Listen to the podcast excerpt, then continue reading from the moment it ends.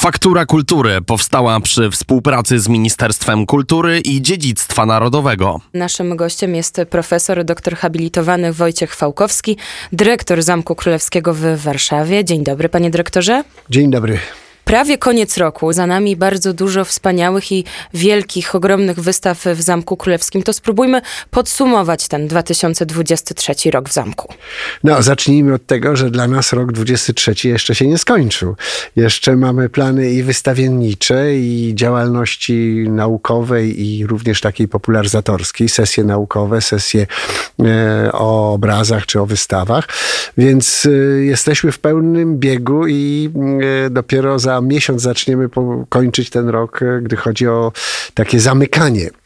E, no ale zaczął się pięknie, dlatego że zaczął się finisarzem e, wystawy Belotta. Największej wystawy tego malarza, naszego kanaletta, który, która to wystawa była na zamku i nigdy takiej dużej wystawy tego malarza nie było.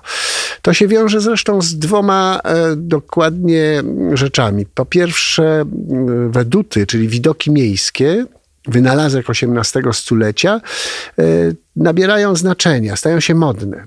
E, to nie tylko nasz Belotto, to również jego stryj Antonio Canal, to jest Michele Marieski i wielu mniej znanych, również nieco słabszych wedutystów, czy takich właśnie malarzy krajobrazu miejskiego, e, którzy w tej chwili stają się rozrywani, rzeczywiście pokazywani. A druga rzecz, no, to jest e, pewna legenda naszego właśnie Canaletta, która rośnie, która staje się coraz bardziej nośna, która mm, rzeczywiście się przebija. To był malarz e, mało znany do tej pory, wielbiony u nas z różnych powodów, e, prawda, pracujący na zamówienie króla Stanisława Augusta Poniatowskiego, no ale na świecie nieco mniej rozpoznawany, ponieważ e, Antonio Canal, jego stryj, tutaj zasłonił całą perspektywę, można tak powiedzieć. I tą wystawą, którą otworzyliśmy rok temu, to kończyliśmy y, ją w, na początku stycznia i zaczęliśmy ten bieżący rok. No a później już poszło. To była wystawa o powstaniu styczniowym. Następnie wystawa rocznicowa o Koperniku, która dalece odbiegała od takiej książkowej, podręcznikowej wystawy o wielkim Polaku, wielkim uczonym, intelektualiście no, wielkie wydarzenie w świecie muzealnym światowym, nie tylko polskim. To wystawa Quattrocenta, Przebudzeni, e, którą otworzyliśmy w lipcu. Jeszcze e... chyba gdzieś tam e, Zmienność Fortuny, alegorię Hermana Hana. A tak, jeszcze po drodze była mała wystawa, ale bardzo taka ujmująca. Rzeczywiście Herman Han, malarz gdański, e, który mm, e, wyszedł z patrycjatu, ale stał się takim modnym e, artystą dla całej socjety II Rzeczypospolitej początku XVII stulecia, e, więc też arystokracja, szlachta, duchowieństwo, no i oczywiście Gdańsk, Gdańsk z patrycjatem, z bogatym mieszczaństwem. No a później właśnie ta wielka wystawa i wielkie wydarzenie mm, e, z Quattrocenta, z początku renesansu włoskiego, wystawa, której, mówię to z całą odpowiedzialnością, nie powstydziłoby się żadne muzeum na świecie. Znakomita. No i wrzesień to już jest, e, e, prawda, pokaz, e, wystawa sztuki z Lwowa przybyłej z malarstwa polskiego w najlepszym wydaniu. Znakomite te próbki tutaj i malarstwo zachodnioeuropejskie i nowożytne i wchodzące już w epokę nowoczesną nowoczesną, XIX-wieczną. E, więc e, to jest wystawa, która jeszcze trwa. No a niedawno otworzyliśmy mm, pokaz uzbrojenia i tego zamkowego, które kupiliśmy dla zbrojowni naszej i przybyłego, dwa, dwie zbroje radziwiłowskie, które ród Radziwiłłów podarował Habsburgom w końcu XVI wieku i nigdy od tamtej pory nie były w Polsce. Przyjechały z e, Wiednia no a zakończymy rok w, taką panoramą sztuki e, malarstwa polskiego przełomu XX i XXI stulecia z Jerzym Nowosielskim jako głównym bohaterem. E, i będzie to taki, żartobliwie nazywamy tę wystawę e, Nowosielski na tle Nowosielski Sztuka Widzenia, ale właśnie w otoczeniu kilkudziesięciu znakomitych dzieł malarskich jego kolegów, rywali, konkurentów z drugiej połowy XX wieku i początku XXI. Panie dyrektorze, to porozmawiajmy teraz o dziale edukacji, który jak wiemy bardzo ważny także jest dla Zamku Królewskiego. Jak wygląda ten obszar? Działalność edukacyjna zamku ma w tej chwili ogromny zasięg. E, rozmach jest e, rzeczywiście na dużą skalę.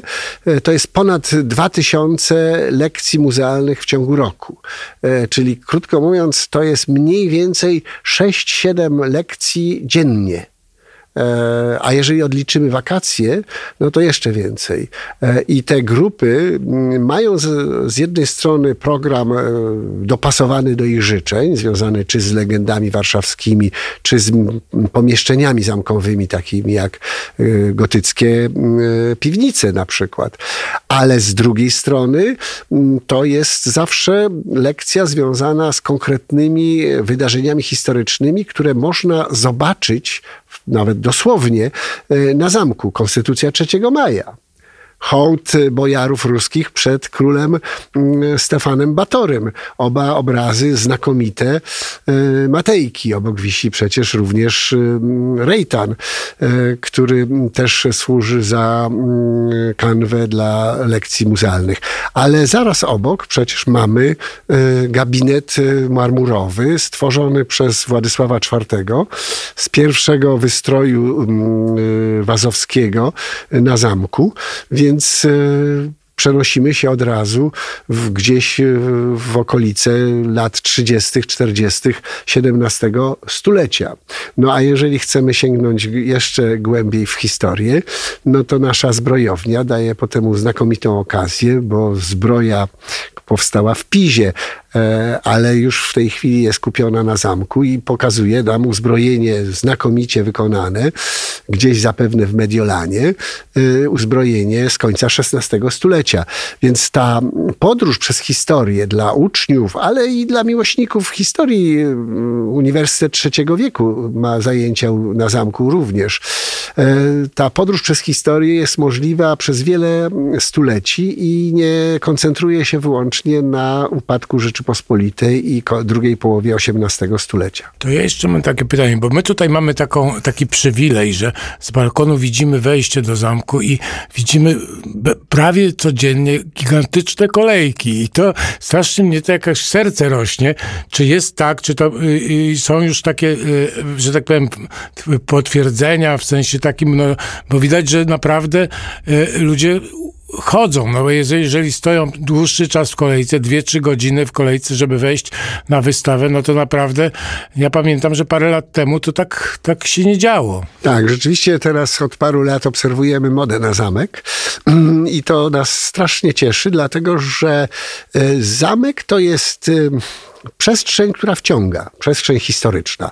Pozwala przeżywać historię, nie tylko się dowiadywać faktów, ale pozwala z tą historią niemal tak e, cieleśnie obcować, ponieważ wprawdzie nie można dotykać tych obiektów, ale one jakby emanują swoją y, właśnie własną przeszłością. I z drugiej strony, no, zamek to jest pewna legenda. Legenda monarchii, legenda wysiłku całego narodu, żeby go odbudować. No i to jest znak rozpoznawalny przez również obcokrajowców, znak Polaków znak całej Polski.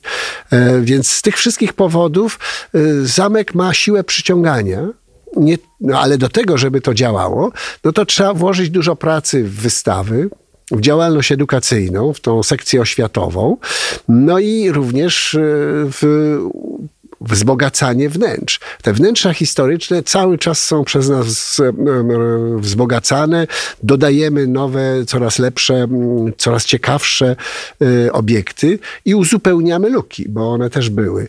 Więc e, ta praca, która jest w dużej mierze niewidoczna, ona trwa cały czas i jest bardzo, bardzo intensywna. I myślę, że zachęcają też takie, ta, taki czas jak teraz, jak jest listopad, darmowy listopad w Zamku Królewskim. Panie dyrektorze, jak to jest? Czy w listopadzie można wejść za darmo na każdą wystawę? Wnętrza e, z ekspozycją stałą są dostępne w konkretnych godzinach e, codziennie, a we środę przez cały dzień.